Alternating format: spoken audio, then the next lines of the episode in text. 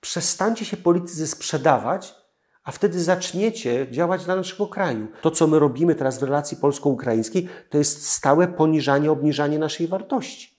Premier Polski powinien otwierać wszystkie drzwi za granicą dla naszych przedsiębiorców, a nie otwierać drzwi w Polsce dla przedsiębiorców obcych. Jest prowadzona wojna przy naszej granicy? My kupujemy od Stanów Zjednoczonych broń, którą za chwilę będziemy przekazywać Ukraińcom. No, mistrzostwo prowadzenia, my otwieramy granice, uznajemy, że wszyscy, którzy do nas przyjechali, są bezpieczni, wspaniali. A czy tak naprawdę jest? Skala bandyctwa, którą mamy w bankach, to jest niewyobrażalne. Powiedziałem wtedy, głupcy. Co wy robicie? No bo kto do polityki się pcha? No ten, który najczęściej nie osiągnął nic w życiu. No, no nic nie osiągnął w życiu, niczego nie pokazał. Punkty. Jak nie macie, macie to wpisać. Guzik nie obchodzi, czy jesteście z prawa, z lewa, zielony, czerwoni, żółci. Bo za te pieniądze, które dzisiaj płacą nauczycielem, ja bym z tymi bachorami w szkołach, w szkole nie wytrzymał i w ogóle nie miałbym ochoty pracować. To wzmocnieniu Fakro po to, żeby Fakro kupiło swego największego konkurenta w 5%, w 10%. Niech zacznie go blokować i mordować. Bo nie powinniśmy się uczyć od miernot, tylko powinniśmy się uczyć od najlepszych, a u nas jest odwrotnie. Wszyscy, którzy tak wspaniale doradzacie innym rodzicom, pokażcie swoje dzieci. Europa po pierwsze przestała się sama szanować, po drugie przestała uznawać własne wartości, po trzecie zaczęła uznawać wartości innych za lepsze, co jest bardzo niebezpieczne i degradujące. Cokolwiek robisz, rób to w dobrym stylu. Lancerto Partner biznes misji. Partnerem odcinka jest Hokomo, producent domów modułowych. Wejdź na hokomo.pl i wybierz swój wymarzony dom. Feed Group. Nowoczesne kamienice gwarancją przyszłości. Witam wszystkich bardzo serdecznie. Dzisiaj wyjątkowy gość, dr Artur Bartoszewicz, polski doktor nauk ekonomicznych, ekspert e, w zakresie polityki publicznej, wykładowca SGH. Mógłbym pewnie czytać dużo więcej, ale bardzo się cieszę, że mogliśmy się spotkać, bo chciałem porozmawiać o tematach bieżących, o naszej gospodarce, o tym, co jest dzisiaj naprawdę ważne. No to jestem rozgoryczony. Myślałem, że faktycznie ten wstęp będzie o wiele dłuższy, bo tak Dopiszemy. zostałem anonimowy. Nie, nie, nie. żartuję sobie, drodzy Państwo, jestem bardzo zachwycony tym, że mogę zauczestniczyć w tym programie. No, panie Arturze, nie prze, jakby nie traćmy czasu. Chciałem zapytać, jaka jest kondycja polskiej gospodarki dzisiaj? To jest trudne pytanie, e, dlatego że oczywiście, jeżeli popatrzymy na gospodarkę makro i wskaźniki makroekonomiczne, to one wskazują na dosyć dobrą kondycję, zarówno w wymiarze i finansów publicznych, no bo jeżeli porównamy e, zadłużenie państwa do PKB, te oficjalne, bo rozdzielmy prawdę od e, takiego fałszu, który w polityce jest bardzo często prezentowany. Więc można było powiedzieć, że na tych wskaźniku makro jest bardzo dobra sytuacja na tle wielu państw w Europie, których e, te zadłużenie przekracza wartość PKB. U nas jest na bezpiecznym poziomie. E, co do pozostałych wskaźników, takich bardzo często powtarzanych, jak wielkość produktu krajowego brutto i wzrost tego, dynamika wzrostu tego produktu, to oczywiście też mamy wzrosty. To to ważne, bo patrząc na e, sytuację w e, wielu krajach, które przeżywały okres pandemii, wcześniej kryzys finansowy, no to były sytuacje, w których e, gospodarki cofały się. No i chyba najważniejszy wskaźnik taki, który mm, odczuwamy bezpośrednio boleśnie, czyli bezrobocie. Ono w historii naszej nie było nigdy tak niskie. No ale też jest jeden wskaźnik, który odczuwamy codziennie w portfelu, e, czyli inflację. Tutaj też jesteśmy mistrzami, można powiedzieć, na tle e, wielu obszarów, wielu państw i faktycznie ten wskaźnik pokazuje, jak e, dużo zaniedbaliśmy w zarządzaniu gospodarką, albo może jak troszeczkę przeforsowaliśmy gospodarkę, albo wpisaliśmy się w zaniedbania całego świata i de facto ponosimy dzisiaj ogromne konsekwencje tego na tym wskaźniku. Ale tutaj też chciałbym powiedzieć, że ja nie jestem zwolennikiem patrzenia na gospodarkę w skali takiej całkowicie makro i zadowolenia ze wskaźników makroekonomicznych. Dlatego, że w gospodarka to są ludzie, to, to jest całe społeczeństwo, które jest na różnym poziomie rozwoju. Mamy regiony w Polsce o większym dynamice wzrostu, zresztą to widać dokładnie, jak następują zmiany demograficzne, przepływ ludności, jak ludzie uciekają z obszarów biedniejszych i próbują zbudować swoje życie na zupełnie lepszych warunkach, więc duże miasta wygrywają, ale czy żyje się tak naprawdę tu lepiej, to już trzeba przyjechać albo pożyć troszeczkę i zobaczyć, że może traci się troszeczkę więcej, a zyskuje się jakieś takie poczucie i satysfakcję z e, posiadanych pieniędzy. Tylko pytanie znowu, czy to, że mamy więcej pieniędzy w portfelu, czy stajemy się bogaci, to faktycznie stajemy się szczęśliwi, szczęśliwsi mm, i czy to jest cel naszego życia. Jeżeli uznamy w gospodarce, w biznesie uznajemy, że celem biznesu jest zysk, no to wielu przedsiębiorców e, uzyskuje bardzo wysokie wyniki. Badania, które wskazują na to, że coraz więcej e, Polaków płaci podatki z coraz większych dochodów, e, czyli ta część e, społeczeństwa na niższym poziomie dochodów, takie badania Ministerstwo Finansów opublikowało z ostatnich czterech lat, faktycznie wskazało, że i dynamika nawet przyrostu milionerów, czyli osób, które mają dochód powyżej miliona złotych, się zwiększyła. Mamy rozszerzoną klasę średnią, więc to znaczy, że mamy coraz mniejszą część społeczeństwa, która jest na bardzo niskim poziomie dochodowości. Więc ten obraz pokazuje, że nie jest najgorzej, nie jest źle, nawet wręcz można powiedzieć, że jest y, bardzo dobrze. Oczywiście można powiedzieć, że chciałby się lepiej. Ja też mogę wskazać, co ja bym chciał albo co zostało zaniechane, ale mam nadzieję, że o tym porozmawiamy. Ale na tle wielu państw i w Unii Europejskiej, na świecie, nam żyje się nadzwyczajnie dobrze, Polakom, narodowi naszemu, ale przede wszystkim trzeba powiedzieć, że w historii naszej mamy chyba najwspanialszy okres pod względem e, bogactwa, które wypracowaliśmy jako, jako naród.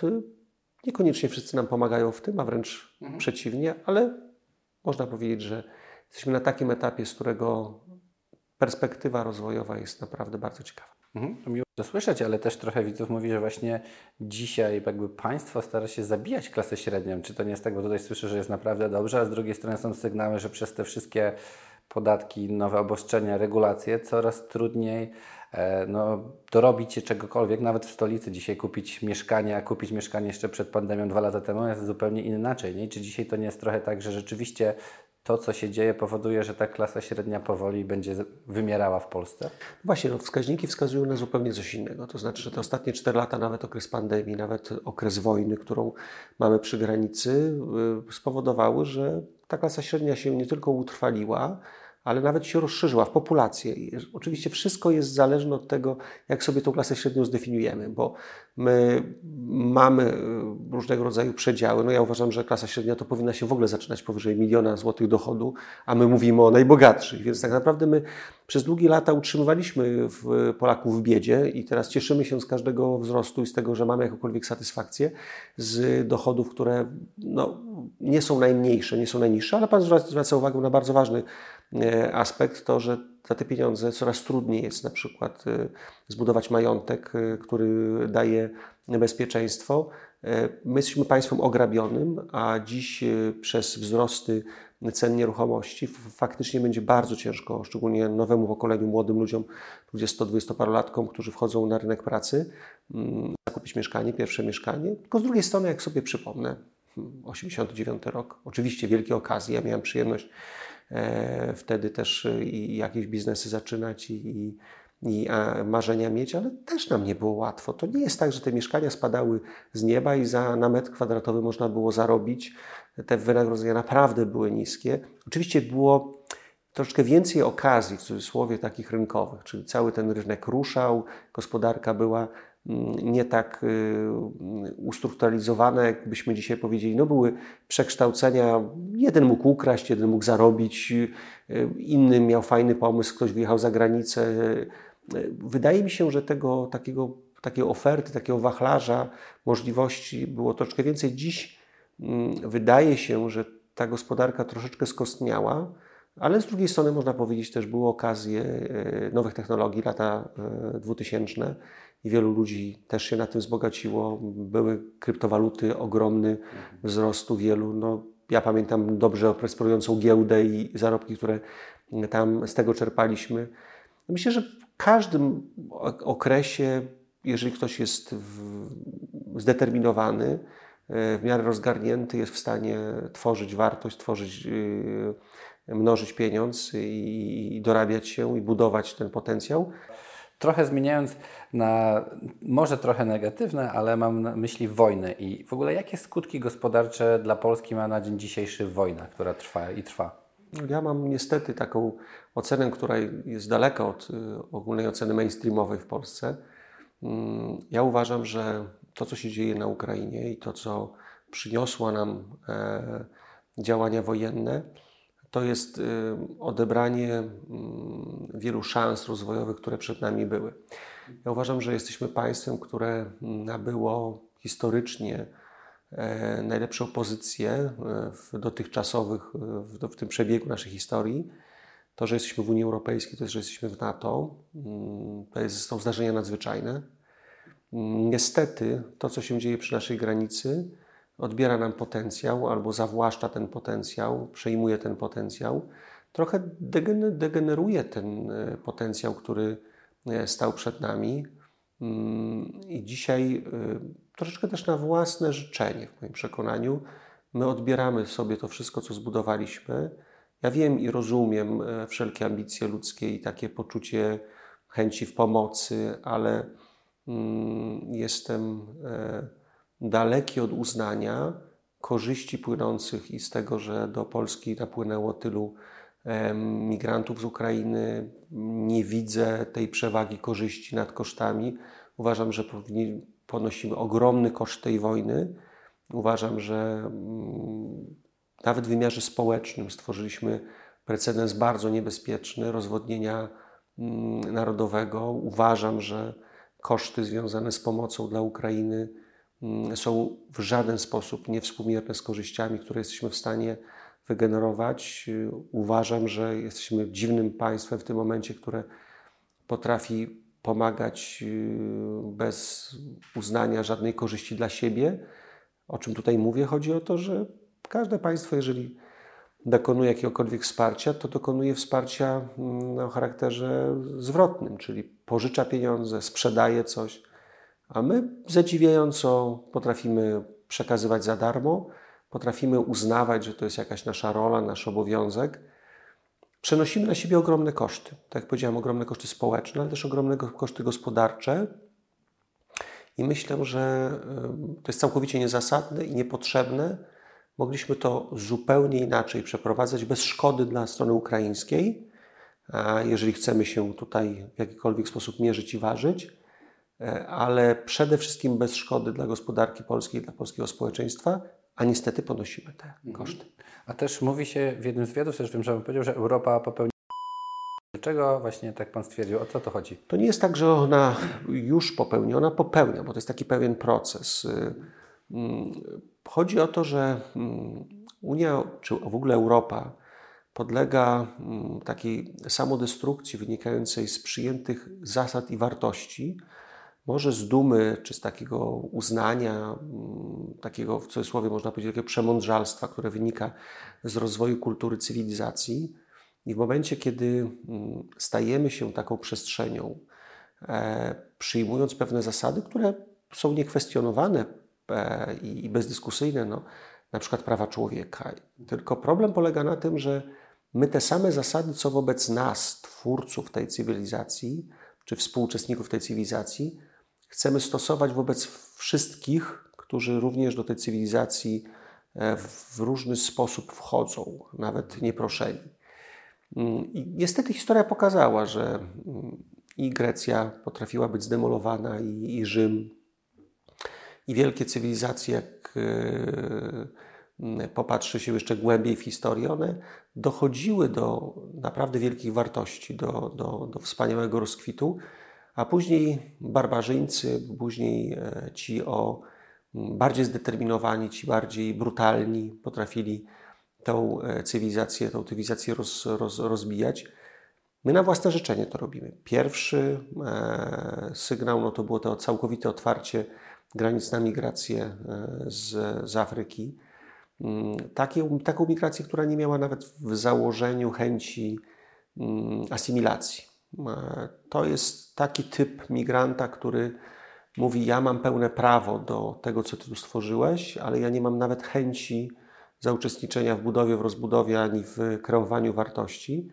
Więc raczej e, bardziej dochodzi w tym momencie do wyniszczenia i zniszczenia przestrzeni niż do zbudowania. zresztą to widzimy w poszczególnych gospodarkach, gdzie ten koszt socjalnego wsparcia i takiego pasywnego uczestnictwa w gospodarce i społeczeństwie, a wręcz negacji albo narzucania własnych reguł, negujących e, podstawy, mm, to jest jeden aspekt, ale drugim aspektem też jest taka demoralizacja, którą my sobie, e, na sobie, sobie pozwalamy na tą demoralizację. E, to jest odejście od fundamentów kultury, od wartości, którymi, którymi się kierowaliśmy. To są te wartości takie, takiego zobojętnienia człowieka, takie pójście w uznanie, że, że można wszystko, że, że można od wszystkiego odejść, od, patrząc nawet na to, w jaki sposób zaczynamy wychowywać dzieci e, i kłopoty, które z dziećmi mamy, od kwestii zmiany płci po e, kwestie związane z brakiem szacunku do e, rodziców, poprzez odejście nawet od fundamentów e, wiary, która spajała narody poszczególne. Oczywiście dajemy Europie i przestrzeni europejskiej prawa swobody i wolności, jak to tak definiujemy, ale w praktyce degradujemy Europę, degradujemy poszczególne narody i doprowadzamy do sytuacji, w której mm, te wszystkie wartości, które zbudowaliśmy, one będą wykorzystywane przeciwko nam. Znaczy, Prosty mechanizm. Jeżeli ktoś przy naszej granicy stoi, krzyczy, e, chce wejść e, i mówi, że po to są prawa człowieka, to my musimy te prawa człowieka wobec niego stosować, e, tylko on wobec nas nigdy by ich nie zastosował. Ja zastanawiam, jakby było w przypadku zderzenia świata europejskiego ze światem na przykład islamu E, i, i to, że oni mają, czy domagają się pewnych praw uznania tego, co my stworzyliśmy, no ale w żaden sposób nie uznają naszych praw. I tylko my na to dajemy przyzwolenie. Dlaczego? Nie wiem, bo jeżeli ja jadę do kraju e, arabskiego, to muszę się podporządkować regułom tam zastanym, religii, e, wszelkim regułom kultury, ale jak oni przyjeżdżają do nas, już tego E, nie stosują, bądź też e, wymagają, żeby, żeby nie musieli stosować, bo oni przyjeżdżają z własną kulturą i mamy tę kulturę uznać. I niestety w wielu wymiarach tak jest, bo jeżeli wejdziemy na chwileczkę, wrócimy na chwilkę do tego zdarzenia wojennego przy naszej granicy, no to mamy sytuację, w której mm, ktoś wjeżdża do nas z własną kulturą. Ta kultura nagle w przekazie medialnym, w przekazie politycznym staje się kulturą ważniejszą, kulturą, którą ja mam poznać jako e, gospodarz, e, nieodwrotnie.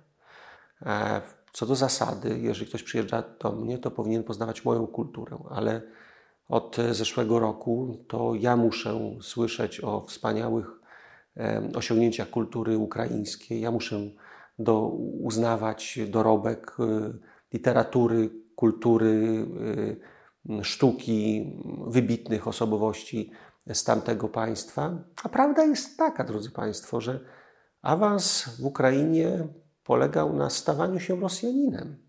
Oczywiście dzisiaj to jest niepoprawne i oczywiście wszyscy, kto, kto, kto, kto ktoś będzie mnie słuchał, powie, co ty opowiadasz. A drodzy Państwo, poczytajcie, po, przy, po, spróbujcie się dowiedzieć, jak wyglądało to e, w tym państwie. Dla mnie państwo, które Mm, któremu dzisiaj pomagamy z przyczyn humanitarnych bezdyskusyjnie, ale państwo, które jest traktowane jako państwo nadzwyczajnie gotowe nagle do wejścia do Unii Europejskiej czy do NATO, zejdźmy na ziemię. Przecież to było państwo zarządzane fatalnie, przez e, skorumpowane, przez polityków e, i, i, i cały układ biznesu, który nie, nie należał w ogóle do świata normalności Przecież tam było aż niebezpiecznie funkcjonować. My otwieramy granice, uznajemy, że wszyscy, którzy do nas przyjechali, są bezpieczni wspaniali. Ale czy tak naprawdę jest? W momencie, kiedy przyjeżdża taka ilość ludzi, przejeżdża przez nasze państwo, ale jedzie też dalej, 8 milionów ludzi przejechało, to jest ogromna część z tego też, która funkcjonowała w tamtym systemie, w tamtych relacjach, w tamtych zasadach, w tamtej nieuczciwości, się, się Często próbuje Poza granicami prawa. poza granicami prawa, która demolowała własne państwo. Przecież te państwo, gdyby, tak jak wszyscy twierdzą, było tak doskonale rozwinięte, tak doskonale e, oparte na wspaniałych, e, inteligentnych ludziach, to przepraszam, to gdzie by było dzisiaj, gdyby to była prawda, na poziomie rozwoju, a to było państwo biedne, zapyziałe, mm, zacofane, e, okradane przez własnych obywateli, okradane przez własnych polityków e, i ono ma ambicje dzisiaj wejścia nagle do struktur europejskich w sytuacji, kiedy przy, przypomnijmy sobie, ile nam trwało, zajęło dostosowanie do wymagań wspólnotowych, ile nam zajęło e, dostanie się do mm, struktur natowskich. To nie chodzi o to, że ja odmawiam komuś wejścia, tylko uznaję, że na pewne rzeczy trzeba być gotowym, trzeba się samemu przygotować, a nie żądać tylko dlatego, że jest określona sytuacja polityczna i, i wszyscy teraz mają ponieść koszty z tym związane. Uważam, że to też jest aspekt samobójstwa Europy. To znaczy, Europa po pierwsze przestała się sama szanować, po drugie przestała uznawać własne wartości, po trzecie zaczęła uznawać wartości innych za lepsze, co jest bardzo niebezpieczne i degradujące, kulturę e, wynosząc e, obcą za lepszą. W ogóle, co do zasady, historia pokazała, jeżeli jest ktoś obcy, to, to, to trzeba umieć się też przed tym obronić. Trzeba umieć ograniczyć wpływ tego obcego na własną kulturę. Dzisiaj my jesteśmy bardzo otwarci, a przez to zapłacimy za tym. To, to historia pokazała i przyszłość też pokaże, co się będzie działo z Europą, co się dzieje dzisiaj z poszczególnymi państwami, co się dzieje z, ze Szwecją, z Francją, z, Niemca, z Niemcami, e, co się dzieje w momencie, kiedy traci się tożsamość, e, kiedy pozwala się na to, by państwo nie widziało mm, problemów wynikających z na przykład z migracji, z niekontrolowanej migracji. No, Szwedzi płacą za to, że E, nie można było mówić o tym, kto gwałcił, kto mordował, nie można było przyznać e, i nazwać to konkretną nacją.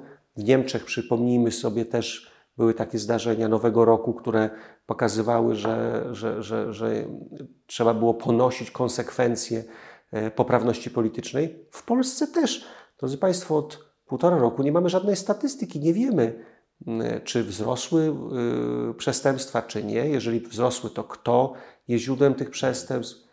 Pamiętam zaraz po e, rozpoczęciu wojny e, na spotkaniu z, jednego, z, jednej z jednej z instytucji polskiej odpowiedzialnej za e, bezpieczeństwo zdrowotne, wyraźnie powiedziano na tym spotkaniu, że zagrożenie, które wynika z otwarcia granic, to jest napływ osób chorych na AIDS, młodych ludzi, to jest napływ też zagrożeń wynikających z narkotyków, z przemocy, z przestępstw. Ja rozumiem, że wszystko musi być poprawne politycznie z założenia, bo sobie ktoś tak, tak ten mainstream to uprawia, ale w praktyce te konsekwencje odniesiemy my jako, poniesiemy my jako społeczeństwo. Ja jako obywatel Rzeczpospolitej domagam się informacji, domagam się wiedzy, na ile moje państwo zapewnia mi bezpieczeństwo, na ile markuje to bezpieczeństwo, na ile udaje, bo, bo nie można mówić, bo, bo nie można na coś zwrócić uwagę, bo, bo nie można nikogo skarżyć. E, wszystko jest fajne. Przypomnijmy sobie zdarzenia w Uberze, które wynikały z tego, że konkretne nacje przejęły e, ten biznes i, i zagrożenia wynikające z gwałtów, z napadów. To wszystko ma swoje imię, to wszystko ma swoje barwy i, i, i to wszystko tworzy określone zagrożenie. I przestańmy udawać. Znaczy, ja nie mam chęci co do zasady oskarżenia kogokolwiek, ale jeżeli gdzieś skądś idzie zagrożenie, to mam pełne prawo, jako obywatel Rzeczpospolitej, mam pełne prawo jako członek tego narodu wiedzieć, czy decyzje wszystkie, które są dzisiaj podejmowane, są dla mnie bezpieczne, są bezpieczne dla moich dzieci, są bezpieczne dla biznesu, który w Polsce się prowadzi. Przecież zaraz po e, rozpoczęciu tych działań wojennych do Polski napłynęło ogromna ilość pieniądza nielegalnego, transakcji wynikające z zakupu nieruchomości, z przejmowaniu firm, z zastraszaniu biznesu, o tym się w Polsce nie mówi, ale przecież też takie sytuacje się pojawiły. mamy do czynienia z, naprawdę z sytuacją, która nie jest czytelna, nie jest jednoznaczna, a twierdzenie, że wszystko jest w porządku i magicznie się samo rozwinie, rozwiąże, nie. To znaczy, ja uważam, że udawanie, że niebezpieczeństwa nie ma, spowoduje tylko to, że społeczeństwo, odczuwając zagrożenie, mm, zacznie dokonywać też wyborów, które mogą być niebezpieczne. Dlatego, że wszystkie kłamstwa prędzej czy później mm, ujawniają się określonymi takimi zainteresowaniami wyborczymi. Chcemy, żeby w Polsce się ujawniły skrajności, które zaczną negować. Chcemy doprowadzić do sytuacji, gdzie pojawi się zaskoczenie w procesie wyboru albo przypadkowy wybór e, w, w procesie dokonywania określonego wskazania do osób rządzących, to udawajmy dalej. Udawajmy, że się nic nie dzieje, a będziemy ogromnie zaskoczeni i wszyscy, zarówno ci, którzy są w mainstreamie, jak i ci, którzy są wokół, będą zaskoczeni wynikami wyborczymi, bo Polak, zresztą nie tylko, człowiek nie jest idiotą z definicji. To jest, jeżeli czujemy się niepewnie, jeżeli czujemy, że coś nam zagraża, jeżeli czujemy, że coś nie jest pewne, e, to niestety dokonujemy wyborów, tylko te wybory albo te lęki nasze mogą zostać wykorzystane przez skrajności, które w nieodpowiedni sposób zarządzą przyszłością Polski. Mhm. Więc uważam, że lepiej mówić o tym, lepiej dyskutować, lepiej wskazywać, gdzie są zagrożenia, niebezpieczeństwa, niż udawać, że tego nie ma. No Panie Arturze, jeszcze mam, zanim przejdziemy do inflacji, to jeszcze ostatnie pytanie o wojnę, bo też dużo widzów o to pytało, czy mm, Polska może dołączyć do wojny, czy właśnie dużo osób się o to obawia, czy my dołączymy, będzie u nas też na, w Polsce wojna. Znaczy ja narrację taką prowojenną słyszę od 24 lutego zeszłego roku.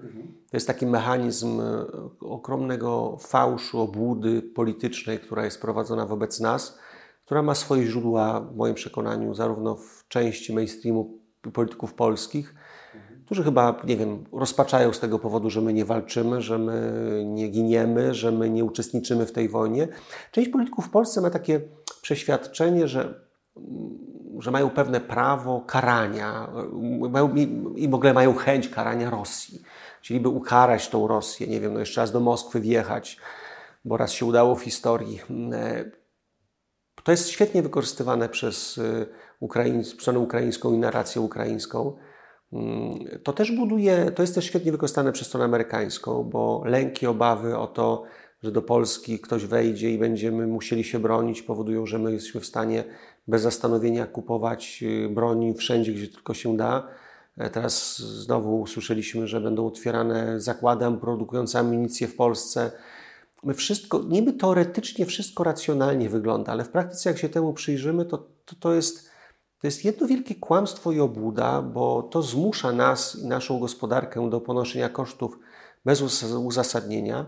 No bo albo jesteśmy w NATO i wierzymy w to, i to ma sens, że mamy pewne struktury europejskie, a jeżeli tak, to znaczy, czy w ogóle światowe, bo przecież to nie jest tylko Europa, to znaczy, że z tego wynikają dwa podstawowe wnioski. To znaczy, że ktoś z nami razem jest, a to znaczy, że nie jesteśmy sami, a to znaczy, że zaatakowanie nas to nie jest tylko zaatakowanie nas, ale jest zaatakowanie NATO.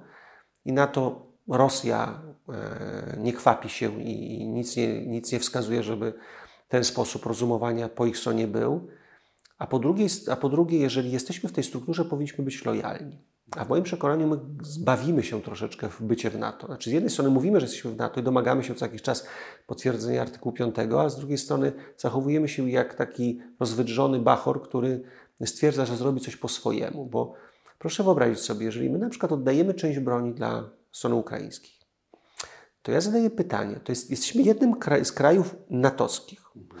Jeżeli ja bym się dowiedział na przykład, że ja inny kraj natowski się rozbraja, to czułbym się zagrożony. No bo albo jesteśmy w tej strukturze i zbroimy się wspólnie, albo zaczynamy udawać. A to znaczy, że ja uważam, że wszystkie decyzje o przekazaniu jakiejkolwiek broni z któregokolwiek państwa nie powinny zapadać na poziomie państwa członkowskiego, tylko na poziomie całego NATO. Całe NATO powinno decydować, bo to jest sojusz obronny. I jeszcze jeden argument. Gdyby zasadne było to, o czym mówimy, że nagle Rosja wejdzie, a tym samym na przykład przekazywanie, jak to się w Polsce mówi, uzbrojenie, uzbrojenie NATO to jest walka przez rękami ukraińskimi z Rosją, a przez to my będziemy bezpieczni. Takie bajki, które słyszę. Gdyby tak było, to Finowie przekazaliby całe swoje uzbrojenie Ukrainie. A co Finowie robią? Wstępują do NATO. Dlaczego? Bo wiedzą, że siła jest w sojuszu. Ale wiedzą też jedną bardzo ważną rzecz, że do wojny trzeba być przygotowanym. Zawsze. I Finowie się od, po nauce w 1939-1945 w czasie II wojny światowej bardzo się nauczyli i wcześniej też mieli do, doświadczenia w tym zakresie. I dziś wiedzą, że mają być przygotowani, mają być przeszkoleni, mają być uzbrojeni, mają mieć zasoby, mają mieć wszystko, łącznie z całym systemem produkcji leków, który ma być gotowy na okres wojenny. My, my jesteśmy, mamy, przepraszam, że tak powiem, gębę pełną frazesów. Nasi politycy potrafią mówić o wszelkich gotowościach, ale w praktyce, gdyby dzisiaj zweryfikować, to my gotowi jesteśmy tak naprawdę jedynie do podniesienia rąk i powiedzenia bezradnie nie jesteśmy w stanie nic zrobić. I znowu liczenia na to, że społeczeństwo samo to zrobi. Zwróćcie uwagę, 24 lutego zeszłego roku to nie jest tak, że państwo jako organizacja ruszyło do działania. To społeczeństwo podjęło działania. My za każdym razem pospolitym ruszeniem realizujemy obronę. Proszę przypomnieć sobie pierwsze miesiące pandemii, pospolite ruszenie. Gdyby cokolwiek było dzisiaj, to ja nie mam przekonania, że jakakolwiek struktura państwa mnie będzie bronić. Znaczy ostatecznie znowu by było pospolite ruszenie. Dlaczego? No, dokonujemy takich, a nie innych wyborów, dokonujemy rozbrajania się, dokonujemy, ktoś mi mówi dzisiaj, często w mediach słyszymy, że ale kupujemy amunicję, kupujemy broń, kupujemy uzbrojenie. Tak, ale kiedy to będzie? Jeżeli zagrożenie jest dzisiaj, to znaczy, że powinniśmy po pierwsze szkolić Polaków do obrony, po drugie dać im możliwość posiadania broni. Ciągle się nas traktuje jako idiotów, wariatów, nie, nie spełnia rozumu, którym jedyna nacja w, na świecie, której by się dało broń, to by się wystrzelała. To jest taka narracja dziwna, która, której się w Pol- którą się w Polsce utrzymuje, czy wobec Polaków się utrzymuje. I nie jesteśmy gotowi ani w produkcji leków, ani w, w obronie cywilnej, bo nie, nie widzę ćwiczeń w tym zakresie, nie widzę organizacji, reorganizacji tego procesu. Jedyna rzecz, która się zaczyna dziać, to związana z y, obroną granic, z, pograni- z pracownikami czy z służbą graniczną. Ta organizacja jest rozwijana, ta organizacja jest do, dofinansowywana. Wojsko w narracji oczywiście się budujemy, ale w praktyce nie widzę takich mechanizmów. Rozwiązania są na świecie. To, co robią Szwajcarzy, to, że każdy Szwajcar ma broń, ja też chcę mieć prawo posiadania broni. Nawet jeżeli, okay, nie muszę tego trzymać w domu, bo nie mam możliwości zabezpieczenia, ale w każdej gminie, w każdej dzielnicy jest, są jednostki wojskowe. Te jednostki wojskowe w magazynach powinny deponować. Ja powinien mieć możliwość deponowania swojej broni, swojego uzbrojenia, swojego e, ekwipunku, który powinien mieć prawo zakupienia. Mhm. Mało tego, powinien mieć obowiązek raz w miesiącu stawić się na strzelnicę za własne pieniądze. Ja tego chcę. Za własną amunicję wystrzelać. Super. Jeżeli trzy razy czy, czy trzy miesiące pod rząd nie pojawia się na takiej strzelnicy, wszystko to, co zostało zdeponowane, przychodzi na skarb państwa i jest do użycia dla następnego obywatela, następnego żołnierza. Dlaczego my takich rzeczy nie robimy? Dlaczego my cały czas tworzymy narrację o tym, jak się wspaniale będziemy bronić, a z drugiej strony to, co, na co Pan zwraca uwagę, społeczeństwo ma poczucie ryzyka, lęku. No to jeżeli tak jest, to zdecydujmy albo w jedną, albo w drugą stronę. Szczególnie bardzo ważne tematy gospodarcze i przechodząc do tego chciałem zapytać o inflację. Jakie są prawdziwe przyczyny inflacji w Polsce? Jak najłatwiej wytłumaczyłby Pan mechanizm właśnie inflacji? Przyczyna inflacji w Polsce e, dwa źródła. Zagraniczne i to nie to, co za chwilę, e, czy, czy wszędzie w mediach Państwu się opowiada, i wewnętrzne. E, zagraniczne, czyli u nas w Polsce zdefiniowało się to pojęciem putinoinflacji. Rozpoczęła się wojna i stwierdzono, że inflacja się rozpoczęła. Znaczy, ja w wielu mediach już powiedziałem, że to jest naprawdę wspaniałe, że w ogóle to się rozpoczęło, w tym sensie, przepraszam, że tak powiem, bo to jest sarkazm, że dla wielu polityków usprawiedliło to ich brak działania. No bo skoro jest takie magiczne coś jak putinoinflacja, to znaczy, że wszystko, co zrobiliśmy, było dobrze do tej pory, a zniszczyło nas coś zewnętrznego. Taki zły pan gdzieś tam siedzący, który przywiózł nam inflację. Guzik, prawda? Inflacja to przede wszystkim skutek i pandemii, bo przecież wtłoczyliśmy do gospodarki ogromną ilość pieniądza, która nie wiązała się z żadną produkcją, wiązała się z ratowaniem. Więc wytworzyliśmy konsumpcję i nawis środków, które w żaden sposób nie wynikały z realnego wytworzenia w gospodarce. Mało tego, stworzyliśmy to długiem. Więc ten bąbelek w cudzysłowie, on rósł, rósł od 2000 roku, kiedy zaczęliśmy wtłaczać pieniądz w gospodarkę i robiły to nie tylko Polska, ale wszystkie kraje cywilizowane na świecie. Tworzyliśmy ogromny nawis pieniężny, wielokrotnie przewyższający rzeczywiste potrzeby, bo część państw w ogóle wykorzystała to jako mechanizm niekontrolowanej pomocy publicznej, wsparcia sektoru. Proszę zwrócić uwagę, u nas w Polsce nie padały przedsiębiorstwa, nie tworzyło się bezrobocie, wytworzyły się ogromne nawisy pieniężne w wielu przedsiębiorstwach, w gospodarstwach domowych. Y, luksusowe towary sprzedawane były w nadzwyczajnej ilości. Druga rzecz to jest kwestia niedorozwoju gospodarki realnej. To jest bardzo ważne. Tylko to działo się przez ostatnie 20 lat. Mieliśmy w międzyczasie kryzys finansowy 2007-2009 Wówczas dowiedzieliśmy się o kwestiach złych kredytów, dowiedzieliśmy się o zadłużeniu e, państw na świecie, które przewyższało możliwość jakby spłacenia zobowiązań. Tworzyły się zjawiska, które nam potwierdzały, że gospodarka światowa jest w złej kondycji, nie do końca prawidłowo zarządzana. Dodatkowo ogromne problemy związane z systemem bankowym. Banki, które skala bandyctwa, którą mamy w bankach, to jest niewyobrażalne. Znaczy, to my cały czas mamy sytuację, w której nie jesteśmy w stanie odkryć całego zła, które niesie w sobie system przyzwolenia w braku etyki, w braku moralności tego, co w systemach bankowych się w Polsce i na świecie dzieje. To jest zjawisko ogromnie niebezpieczne. I teraz, gdzie jest ten clue, ten, ten trzon problemu e, e, inflacyjnego? To są lata, w których zaczęliśmy budować wirtualny świat, który nie produkuje niczego, tylko i wyłącznie tworzy nowymi technologiami jakieś wirtualne wartości, na których się robiło ogromne pieniądze. Ogromne pieniądze. I teraz, jak sobie popatrzymy na ten świat sprzed ery nowych technologii, to mieliśmy realny świat gospodarczy, normalne przedsiębiorstwa, normalną produkcję, energetykę, ciepłownictwo, y, produkcję butów, wszystkiego, okien, wszystko. I tam szły normalne pieniądze, tam się rozwijaliśmy, tam budowaliśmy gospodarkę. Nagle zaczęliśmy tworzyć tą część wirtualną, która nie dawała ani buta, ani okna, ani chleba, ale dawała możliwość robienia pieniądza na pieniądzu. Tam powstały majątki ogromne, tylko te majątki ogromne zaczęły chcieć kupować produkty z obszaru realnego.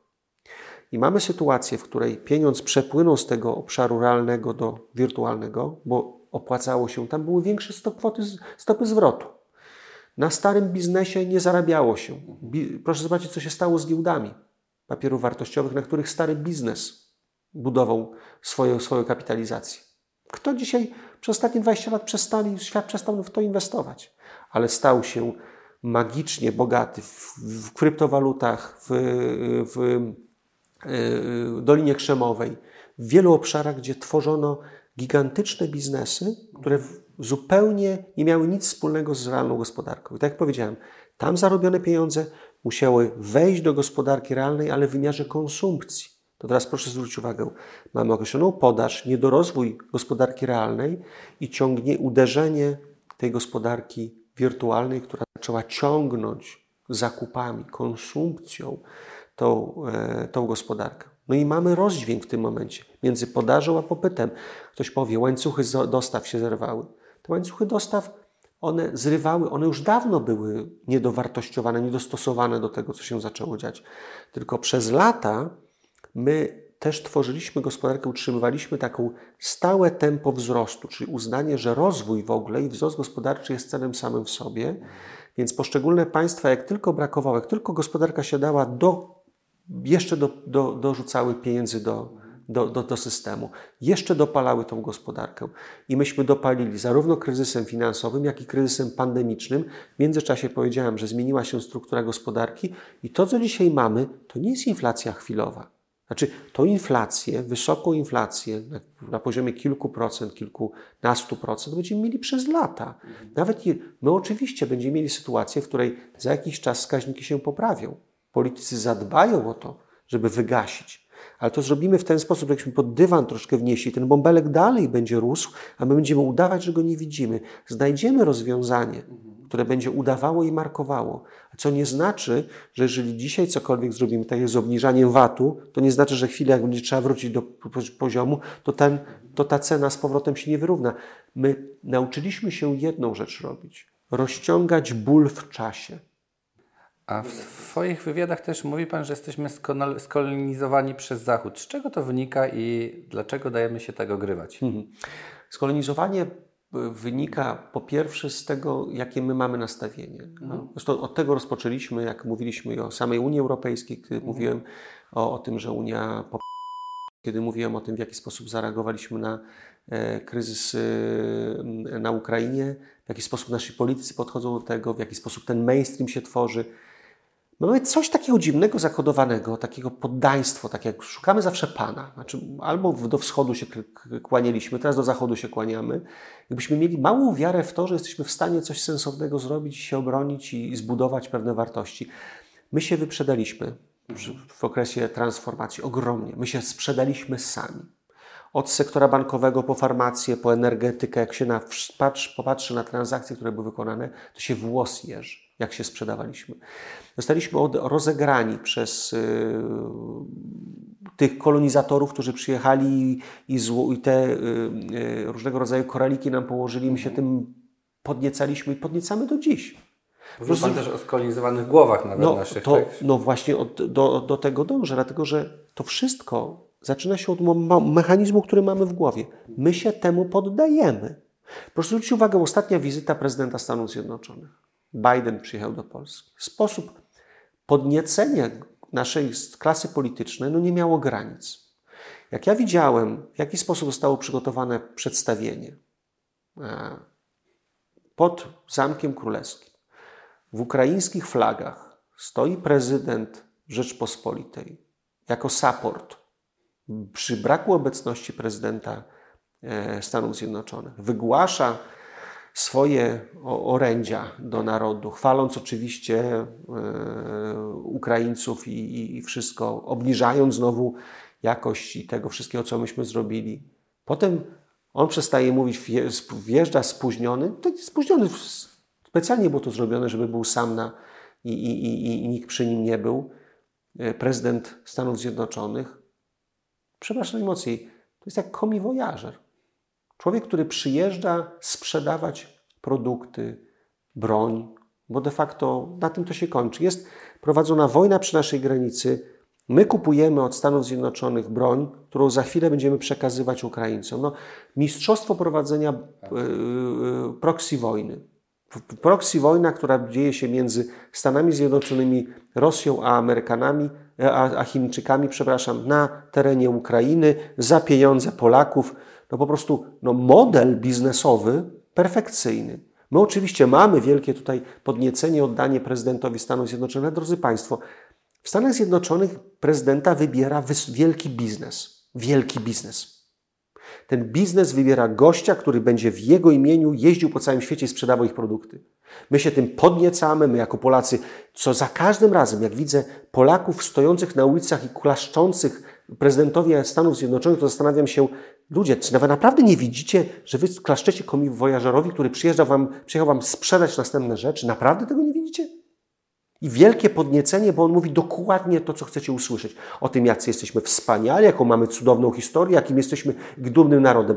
No my jesteśmy tak zafascynowani usłyszeniem tych słów i to wynika z, z tego, jakie umysły mamy. My jesteśmy tak skolonizowani, te głowy mamy u siebie tak zamknięte, tak podatne na masowanie, takie po prostu poddańcze głowy, którym wystarczy powiedzieć coś miłego i my jesteśmy tak strasznie tym podnieceni.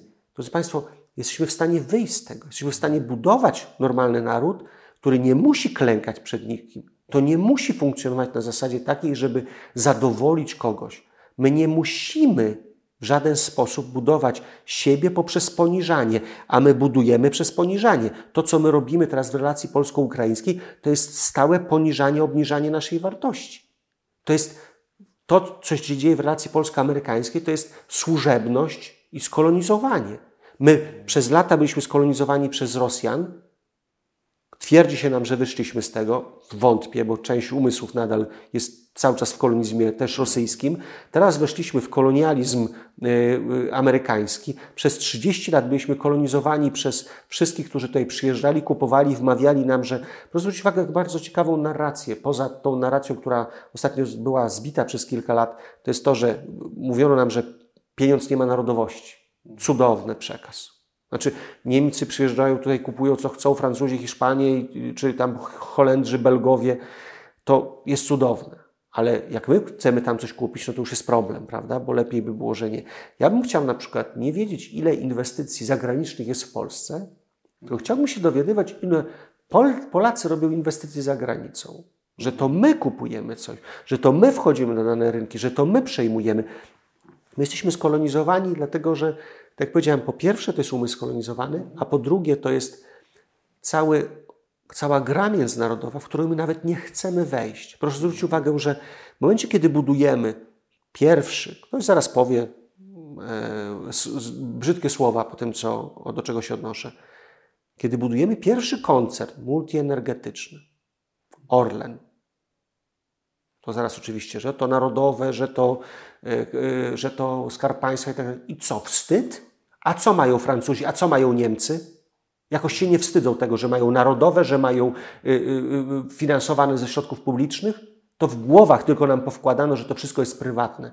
Oczywiście to, co budowało przemysł między, wielki w Niemczech, kiedyś pierwotnie było związane z kimś, jednym nazwiskiem, kto to tworzył, czym Y, y, czy przemysł chemiczny, przemysł stalowy, czy przemysł motoryzacyjny, ale dzisiaj to są wielkie marki, wielkie brandy finansowane również ze środków publicznych i zamówieniami, i relacjami, i funduszami, które są wspierane, i nikt się tego nie wstydzi. To jest normalna polityka, to są konglomeraty, które dzisiaj są zawłaszczyły nie tylko teren gospodarki własnej, ale teren gospodarki światowej Szwajcarzy nie wstydzą się swojego przemysłu farmaceutycznego, Niemcy nie wstydzą się metalurgii, motoryzacji, chemii, nie wstydzą się. Robią to, rozwijają i są dumni z tego.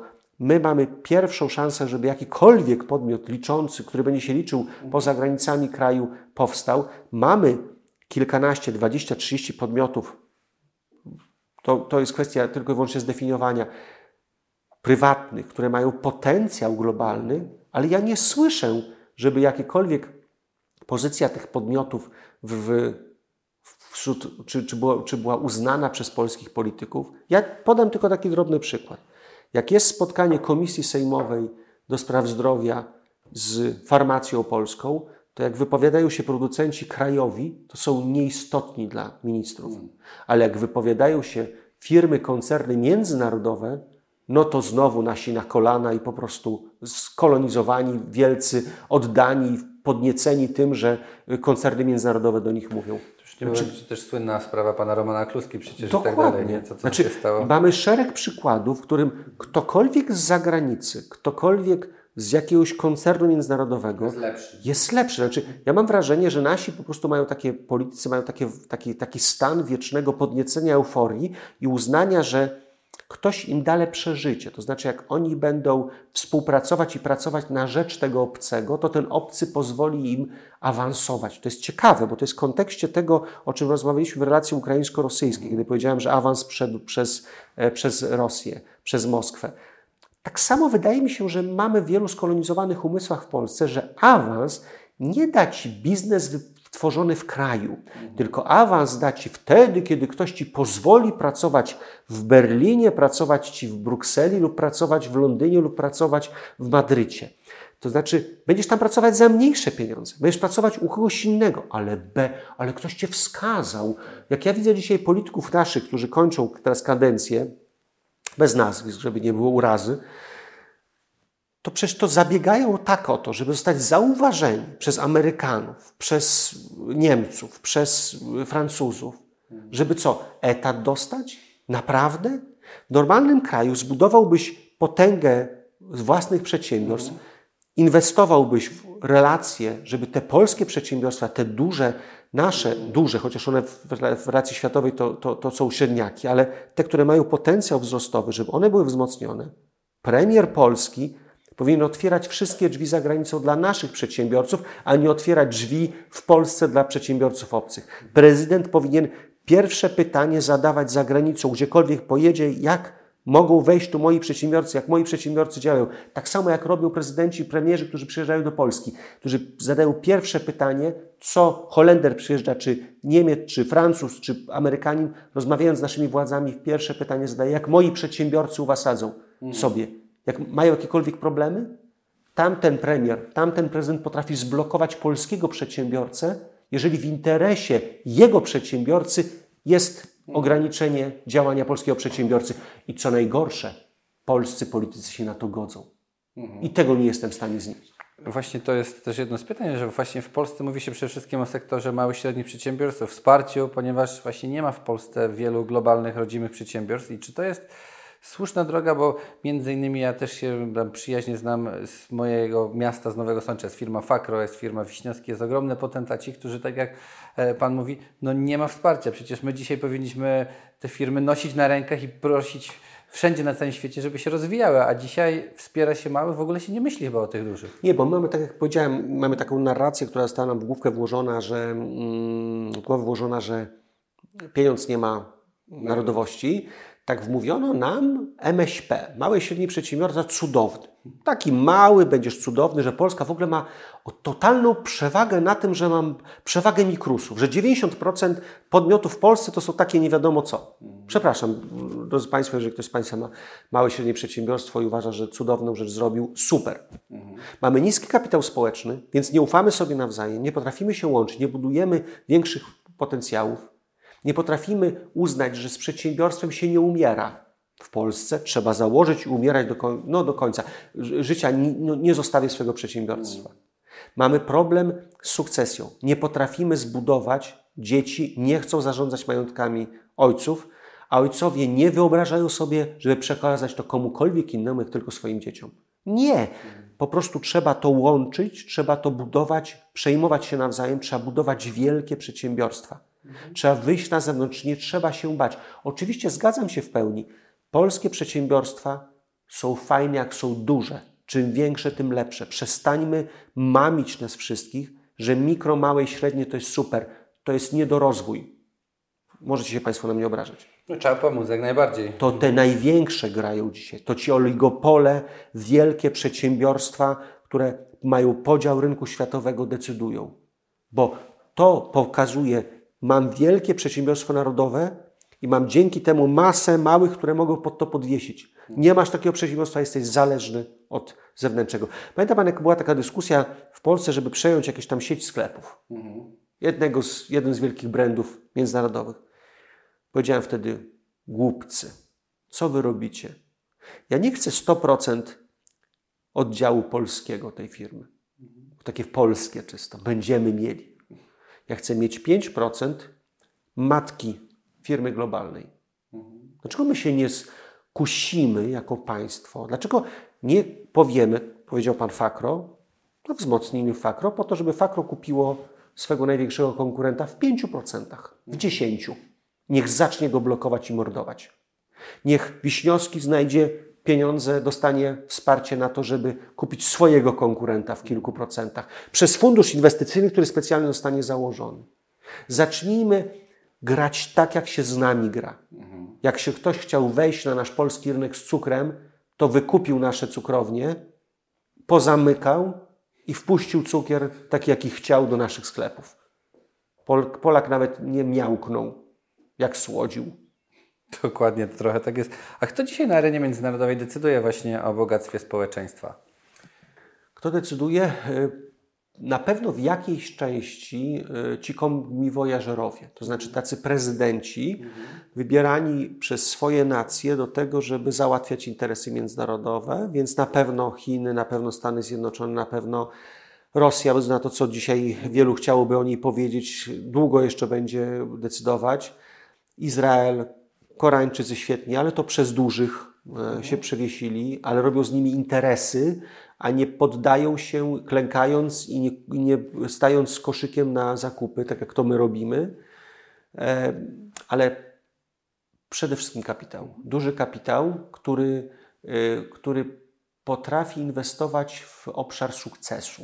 Jego mm, nacja w tym momencie mnie interesuje, ale mm, odwaga, bezczelne postępowanie, zero litości, jeżeli chce się coś zrobić i coś przejąć, i widzenie, że za tym stoi siła, siła państwa i lojalność państwa. My nie mamy państwa lojalnego wobec naszego biznesu. Znaczy, jeżeli biznes światowy patrzy na przykład na marki, które Pan powiedział, i ono wchodzi gdzieś za granicę, to, te, to biznes wie, że za tą marką nie stanie polskie państwo i nie stanie premier i prezydent. Że ten premier, prezydent raczej przy najbliższej okazji dyskusji w Davos czy gdzieś odda polskiego przedsiębiorcę, mówiąc dziękuję bardzo, przepraszam za niego, tak się stało, ale my się wycofujemy. Nie ma tej agresji, nie ma tego jednoznacznego wzięcia odpowiedzialności, nie ma lojalności, nie ma czegoś, co mi się marzy. Naprawdę marzy mi się takie podejście prezydenta, premiera, który będzie twardo stał za swoim państwem, za swoim narodem, za swoim biznesem i nie będzie się obawiał oskarżenia o to, że jest jakiś lobbying. Tak jest. Nie boję się powiedzieć.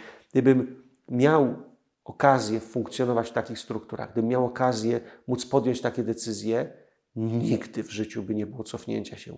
W stosunku do Francuzów, Niemców, kogokolwiek. Nie ma możliwości, jeżeli mój przedsiębiorca walczy w, w sądzie przeciwko innemu przedsiębiorcy, wszystkie siły moje MSZ-u, wszystkie siły moje kancelarii prawnych były zaangażowane, żeby wesprzeć mojego przedsiębiorcę. Urząd Ochrony Konkurencji i Konsumentów zostałby zobowiązany do tego, żeby do ostatniego urzędnika bronić mojego przedsiębiorcy. Wszystkie sądy, wszystko. Znaczy, zejdźmy na ziemię, tak dokładnie się dzieje w tamtych gospodarkach. Jeżeli my podskoczymy, nie walczymy z przedsiębiorcą obcym, walczymy z całą siłą państwa, które stoi, stanie, stanie za nim, bo ono zawsze stoi za nim. A mu, u nas? A u nas jest taki dylemat.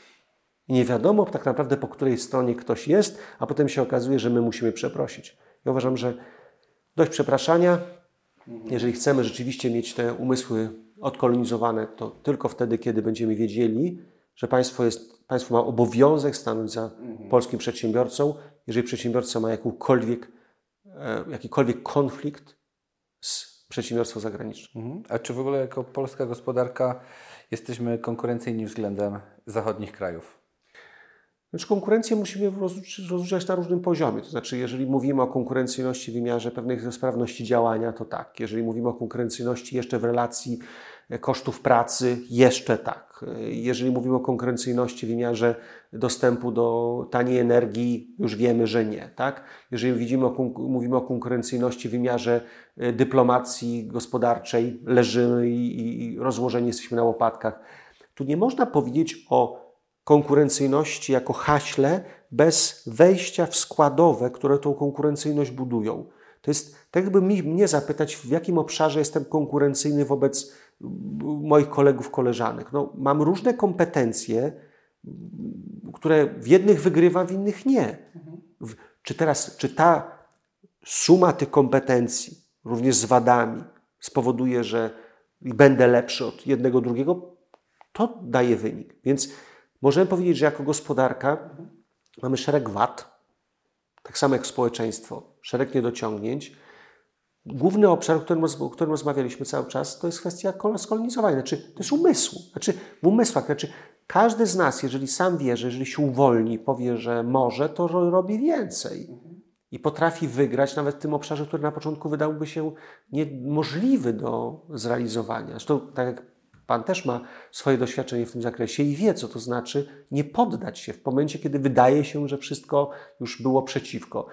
I teraz gospodarka to nie jest tak, że naturalnie trzeba mieć potencjały.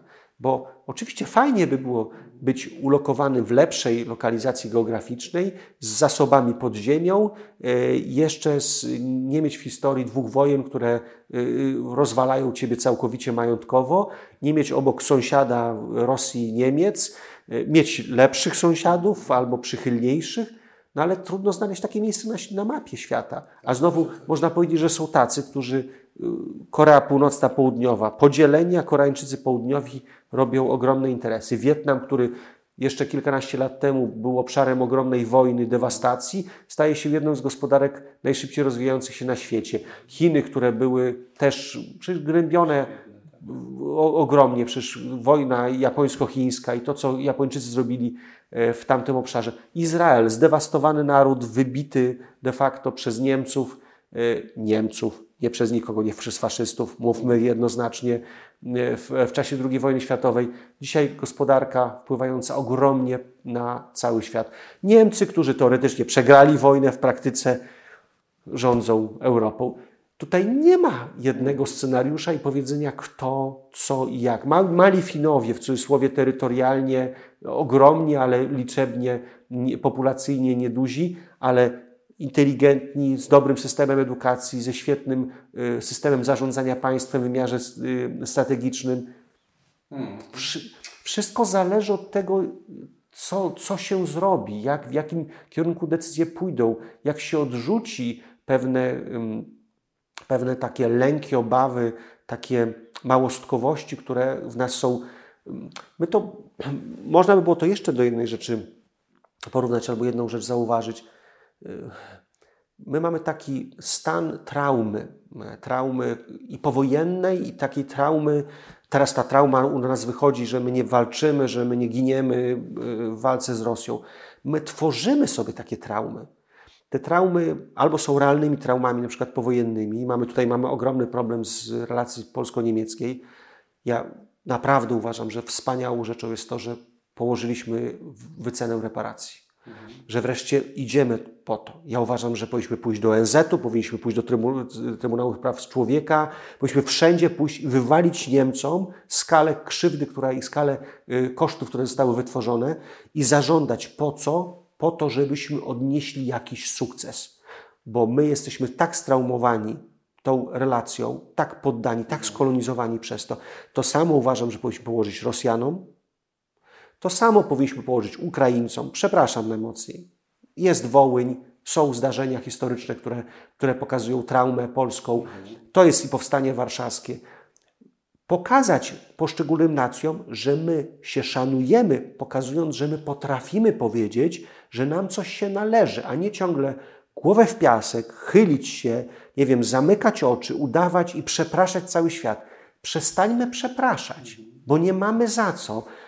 Jeżeli ktoś ma do nas pretensje, to niech postawi swoje.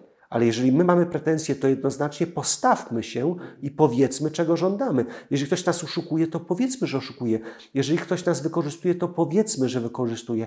Jeżeli ktoś chce naszej pomocy, okej, okay, ale pod warunkiem, że traktuje nas dokładnie tak samo. A ja nie widzę w wielu obszarach tego samego sposobu i równości traktowania. A panie Arturze, to jeszcze mam pytanie, dlaczego właśnie w Polsce jest tak mało firm globalnych, z czego to wynika i właśnie czy w ogóle Polska zacznie się liczyć gospodarczo na świecie? Co w ogóle jest nam potrzebne? Może jakiś pomysł?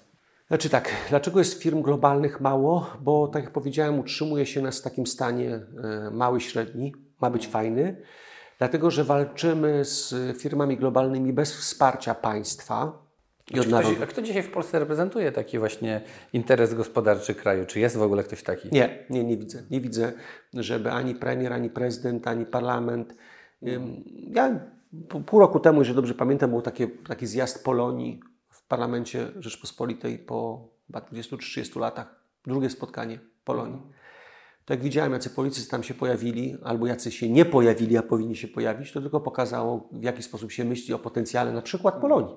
Tego, że mamy drugi naród de facto równolegle, e, Polskę dwa na całym świecie, z ogromnymi relacjami międzynarodowymi, z ogromnymi relacjami e, biznesowymi i my tego nie potrafimy wykorzystać.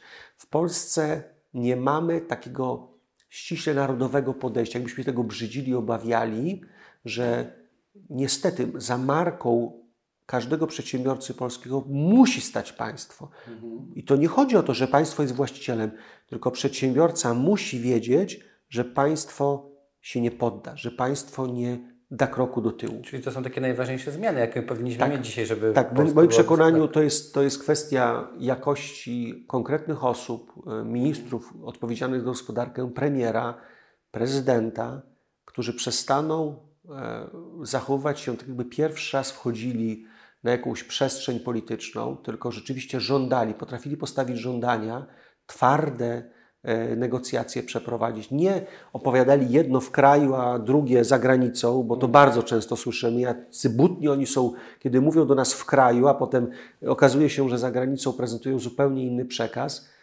Znaczy, dopóki tego nie zmienimy, dopóki nie znajdzie się rzeczywiście siła, może, może czas na to, żeby tak jak w Stanach czy w innych państwach, gdzie ludzie sukcesu, ci, którzy osiągnęli w biznesie sukces, po prostu wchodzą i pokazują, y, że zarządza się podobnie państwem. No, no muszą być zupełnie inne kręgosłupy moralne. Mhm.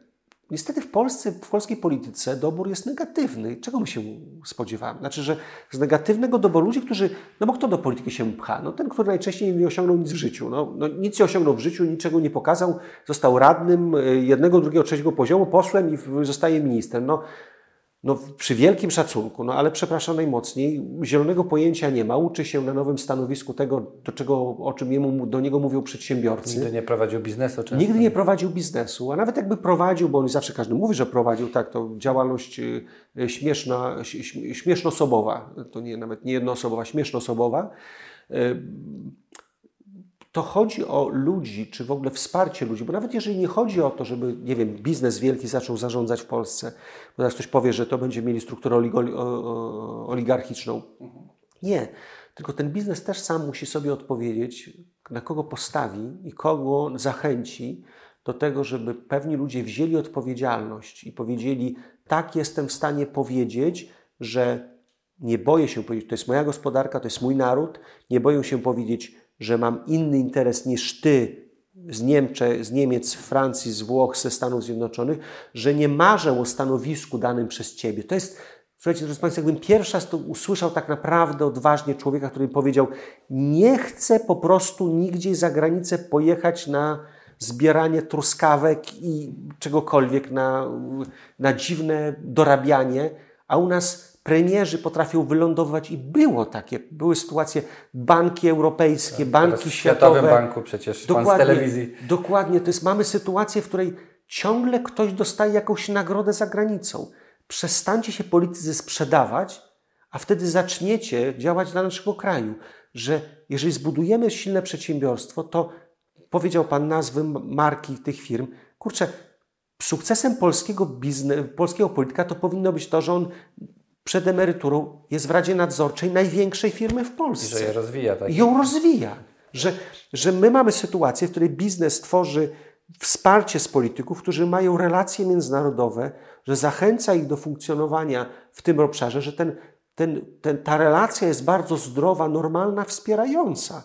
A u nas to jest tłamsze swoich, bo dzięki temu w nagrodę dostanę stanowisko za granicą. No, Jeszcze nie ma konsekwencji za to, bo to często tak zabiliśmy firmy, choćby tego ale oczywiście. No ale, ale wie Pan, no, jeżeli popatrzymy, przypomnijmy sobie sytuację, ja to zawsze mówię na przykładzie nadzorów. Mhm. Nadzór finansowy, ubezpieczeniowy, nadzór lekowy, jakikolwiek nadzór.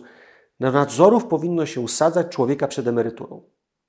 Człowieka, którego jedyną ambicją jest to, żeby posprzątać dany bałagan. Mhm. Ale jak ja widzę młodych ludzi, którzy są szefami nadzoru, i zadaję proste pytanie: co on zrobi po pełnieniu tej funkcji? Do którego sektora pójdzie pracować? No do tego, którego nadzorował. Jak ja słyszę, wielka przecież pani, przypomina pan sobie taką minister cyfryzacji, która gloryfikowana, wielka z sukcesem. Przepraszam najmocniej, dla mnie coś nie tak jest w tym biznesie. Jeżeli ktoś jest ministrem cyfryzacji, odchodzi sam plus zabiera za sobą dużą część kadr z ministerstwa i tworzy firmę na bazie prawa, które wytworzone zostało przez tą osobą i tych ludzi. I w Polsce udaje się, że to jest, nic się nie stało, mało tego, to jest cudowne, bo firma powstaje, to, ja, to dla mnie to nie pasuje. Znaczy, ja uważam, że jak ktoś jest ministrem i zarządza danym obszarem, to nie ma prawa czerpać żadnych korzyści z prawa i systemu, którym zarządzał. Nie może wejść w ten sektor, bo to jest korupcja. Nie może być sytuacja taka, że prezes, wiceprezes KNF-u trafia do banku na prezesa, czy wiceprezesa, czy członka zarządu jakiegoś. Nie może być takiej sytuacji. Jeżeli my nie zaczniemy oddzielać światów i nie powiemy, jeżeli wchodzisz w sferę urzędniczą, to znaczy, że już nie idziesz do biznesu. Nie ma czegoś takiego, że polityk będzie się sprawdzał w biznesie. Po to poszedłeś do polityki, żeby robić twardą politykę i żeby walczyć za biznes. Albo idź do biznesu i nie wwalaj się w politykę, bo to jest świat nie dla ciebie. Ale relacje wsparcia muszą być. Relacje wskazania i powiedzenia, czego oczekujemy. Mi się marzy dzisiaj, żeby te firmy globalne, które mają potencjał, polskie firmy globalne, które mają potencjał, zebrały się i powiedziały 10 punktów. Chcemy tego, tego i tego. I wszystkie partie polityczne idą wybory, drodzy Państwo. Wszystkie partie polityczne mają u siebie w programach odpowiedzieć na pytanie, czy macie te punkty. Jak nie macie, macie to wpisać. Guzik nie obchodzi, czy jesteście z prawa, z lewa, zielony, czerwoni, żółci. To nie jest żaden aspekt etyki, moralności, innych y, y, wartości, którymi będziecie się żonglować w czasie kampanii. To są proste zasady, które muszą być przyjęte i bez względu na to, kto ma rządzić, ma rządzić w interesie polskiej gospodarki. Jeszcze raz powtórzę, polskiej gospodarki, żadnej innej. Tak, to polskie firmy dobronarodowe, które trzeba wspierać. Nie? Prawie kończąc, mam jeszcze pytanie o to, że o edukację w ogóle w Polsce. Dzisiaj konkurujemy z innymi państwami, ale czy systemem edukacji, świadomością, wiedzą, jak Pan uważa, czy to idzie w dobrym kierunku w ogóle edukacja w Polsce? Edukacja w Polsce idzie nie tylko w złym kierunku, ona się cofa, ona się e, nawet zatrzymała, ale w taki sposób e, faktycznie ona się cofa. Ale to wynika przede wszystkim nie z samego procesu edukacyjnego, bo my możemy młodym ludziom wkładać różne, różną wiedzę do głowy, tylko z tego, kto uczy i jak uczy. Kiedyś było tak, że na tą wieś przyjechała nauczycielka z książkami, ona była naprawdę nadzwyczajnym zjawiskiem na tej wsi czy w małej miejscowości. Był szacunek, respekt. I... Ale i wiedza, którą posiadała. Mhm. Teraz niestety jest tak, że nauczyciele nie mają znacząco więcej wiedzy, która by no, zachwycała, która by. Dla mnie edukacja powinna być najbardziej innowacyjnym obszarem gospodarki. Po prostu ci ludzie powinni. Dla mnie najlepszy student na każdym roku, najlepsi studenci z każdej specjalizacji powinni być opłacani, żeby poszli do systemu edukacji i uczyli innych. Bo nie powinniśmy się uczyć od miernot, tylko powinniśmy się uczyć od najlepszych, a u nas jest odwrotnie. Przez lata specjalizacje pedagogiczne to były kierunki drugiego, trzeciego wyboru. Jak ktoś się, kurde, nie dostał na żadne studia, to na pedagogikę. Przepraszam najmocniej, przy wielkim, drodzy Państwo, naprawdę, ja wiem, że nauczyciele mnie teraz nie lubią, ale sami wiecie dookoła, kogo macie. Nawet jeżeli uważacie, że jesteście mocni, to jak się rozglądniecie na prawo, lewo, to, to, to zalewa was. I teraz, jeżeli mamy tego typu sytuację, to nie dziwmy się, że system jest nieadekwatny. I nie pomogą temu, panie premierze, kupowanie laptopów do szkół. To nie tędy droga. Droga jest fińską drogą. Dajmy najlepszym nauczycielom gigantyczne wynagrodzenia. Nie bójmy się tego. Nie bójmy się nałożyć dodatkowy podatek na edukację, który będzie przeznaczony na to, nie wszyscy nauczyciele, bo to ja raz usłyszę, wszyscy nauczyciele mają dostać podwyżki. Guzik, prawda? Trzeba wywa wywalić tych, którzy nigdy nie nauczycielami nie powinni być, tak jak w każdym obszarze efektywności i sprawności działania. Zostawić tych i zachęcić nowych, najlepszych. Nauczyciel w Polsce powinien zarabiać bardzo dobrze, bardzo dobrze. A bardzo dobrze to ja mówię 20-30 tysięcy. 20-30 tysięcy, drodzy Państwo, żebyście słyszeli. 20-30 tysięcy, bo za te pieniądze, które dzisiaj płacą nauczycielem, ja bym z tymi bachorami w, szkołach, w szkole nie wytrzymał i w ogóle nie miałbym ochoty pracować. Państwo weźcie sobie do, do liceum, weźcie sobie do podstawówki. Wasze dzieci tam są. To spróbujcie z nimi dwójkę. Polski w ogóle Tak, jedynkę, dwójkę macie w domu, dostajecie fisia, a weźcie sobie 30, 40. Skoro mamy, że realnie mówić o rozwoju gospodarczym, realnie mówić o edukacji, to zacznijmy płacić nauczycielom w taki sposób, żeby ludzie się walczyli o to, żeby zostać nauczycielem. Jeżeli najlepsi pójdą, najlepszy informatyk będzie uczył informatyki w szkole, najlepszy biolog będzie uczył biologii w szkole, najlepszy chemik, a najlepszy przedsiębiorca, a przedsiębiorca będzie widział sens tym, że pójdzie do szkoły i poświęci ze swojego czasu trzy godziny w miesiącu i każdy z przedsiębiorców pójdzie do tej szkoły i pouczy te dzieciaki, jak się biznes tworzy i zaprosi do swojej firmy, to będziemy mieli zupełnie inną gospodarkę, zupełnie inne technologie, zupełnie inne, inną przedsiębiorczość. A jak będziemy przedsiębiorczości uczyć nauczycielami, którzy nigdy biznesu nie prowadzili. Mało tego, skoro nie mieli innych przedmiotów do nauki, nie mieli etatu wypełnionego, to się przedsiębiorczością zaczęli zajmować, to drodzy Państwo, fotomontaż to my możemy uprawiać. Więc na pytanie, gdzie jest edukacja, edukacja polska to fotomontaż. Znaczy, to jest udawanie. Znaczy, albo pójdziemy w kierunku, o którym mówię, albo będziemy czekać na cud. I oczywiście wśród, nawet w tym systemie edukacji, co jakiś czas pojawiają się perełki. Co jakiś czas pojawiają się fajne zespoły, ludzi zaangażowanych, ale jeszcze do tego wszystkiego, drodzy Państwo, to co się dzieje z naszą młodzieżą, te przyzwolenie na to, żeby, jak ja słyszę o badaniach, 50% chce popełnić samobójstwa, 40% chce zmienić płeć, przepraszam najmocniej. Do czego myśmy doprowadzili? Doprowadziliśmy do sytuacji, w której, drodzy Państwo, jako, nauczy- jako rodzice, nie macie nic do powiedzenia. Jeżeli wasze dziecko pójdzie do szkoły i powie, że tato, mama nakrzyczał, to psycholog szkolny zapyta się, a, stosuje przemoc. I z tej przemocy, zaraz z tych słów, wytworzyć i taki mechanizm, że kuratora ci do domu wsadzą. I sąd staje po stronie tego dziecka, które głupoty będzie opowiadało. Kiedyś, gdybym przyszedł jako w podstawówce, w liceum takie głupoty na swoich rodziców o- naopowiadał, po pierwsze dostałbym ochrzan domu, już nie mówiąc mocniej, i należałoby mi się, a po drugie nauczycielka wezwałaby moich rodziców i dyrektor by stanął po stronie ojca matki.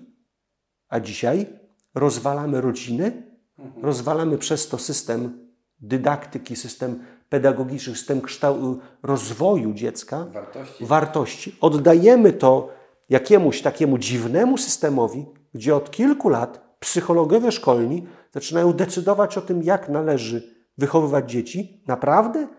Jak ja słyszę tego psychologa, drodzy Państwo, niech mi ci psycholodzy pokażą swoje dzieci wychowane idealnie.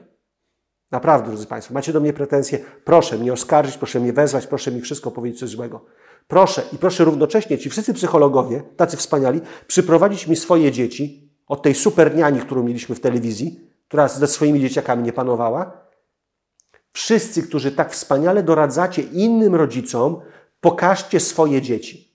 Jak mi pokażecie, że tak jak biznes, osiągnąłeś sukces, możesz uczyć innych. Ale jak ja słyszę coachów, którzy niczego w życiu nie osiągnęli, ale uczą wszystkich innych przedsiębiorców, w jaki sposób biznes osiągnąć, to jest dokładnie tak z tymi psychologami. Strasznie ważne, mocne słowa. Mocne słowa, ale one, znaczy Państwo, albo my jakby zrozumiemy, gdzie jesteśmy. Tak jak powiedziałem, robimy samobójstwo w Europie, tak samo robimy samobójstwo w Polsce.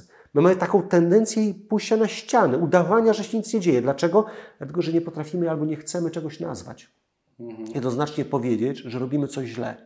Nie, jednoznacznie powiedzieć, że ta banda, którą wytwarzamy w ryzyku, ludzi, którzy zaczynają przejmować rozwój dzieci, przejmować rozwój i decyzje o tym, jak się będzie kształtować za chwilę ten naród.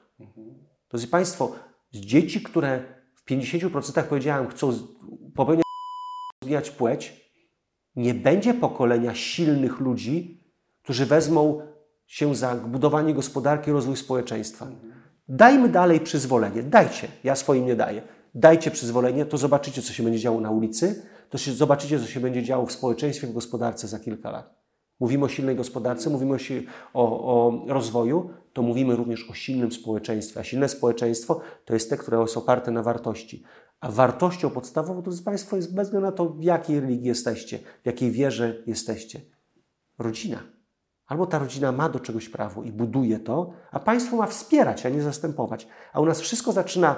Zobacz pan, tam gdzie państwo powinno być, to go nie ma, a tam gdzie państwo nie powinno być, to się bardzo szeroko, łatwo wchodzi i reorganizuje mi życie. Jasne. Ja się boję tak naprawdę swoich wnuków.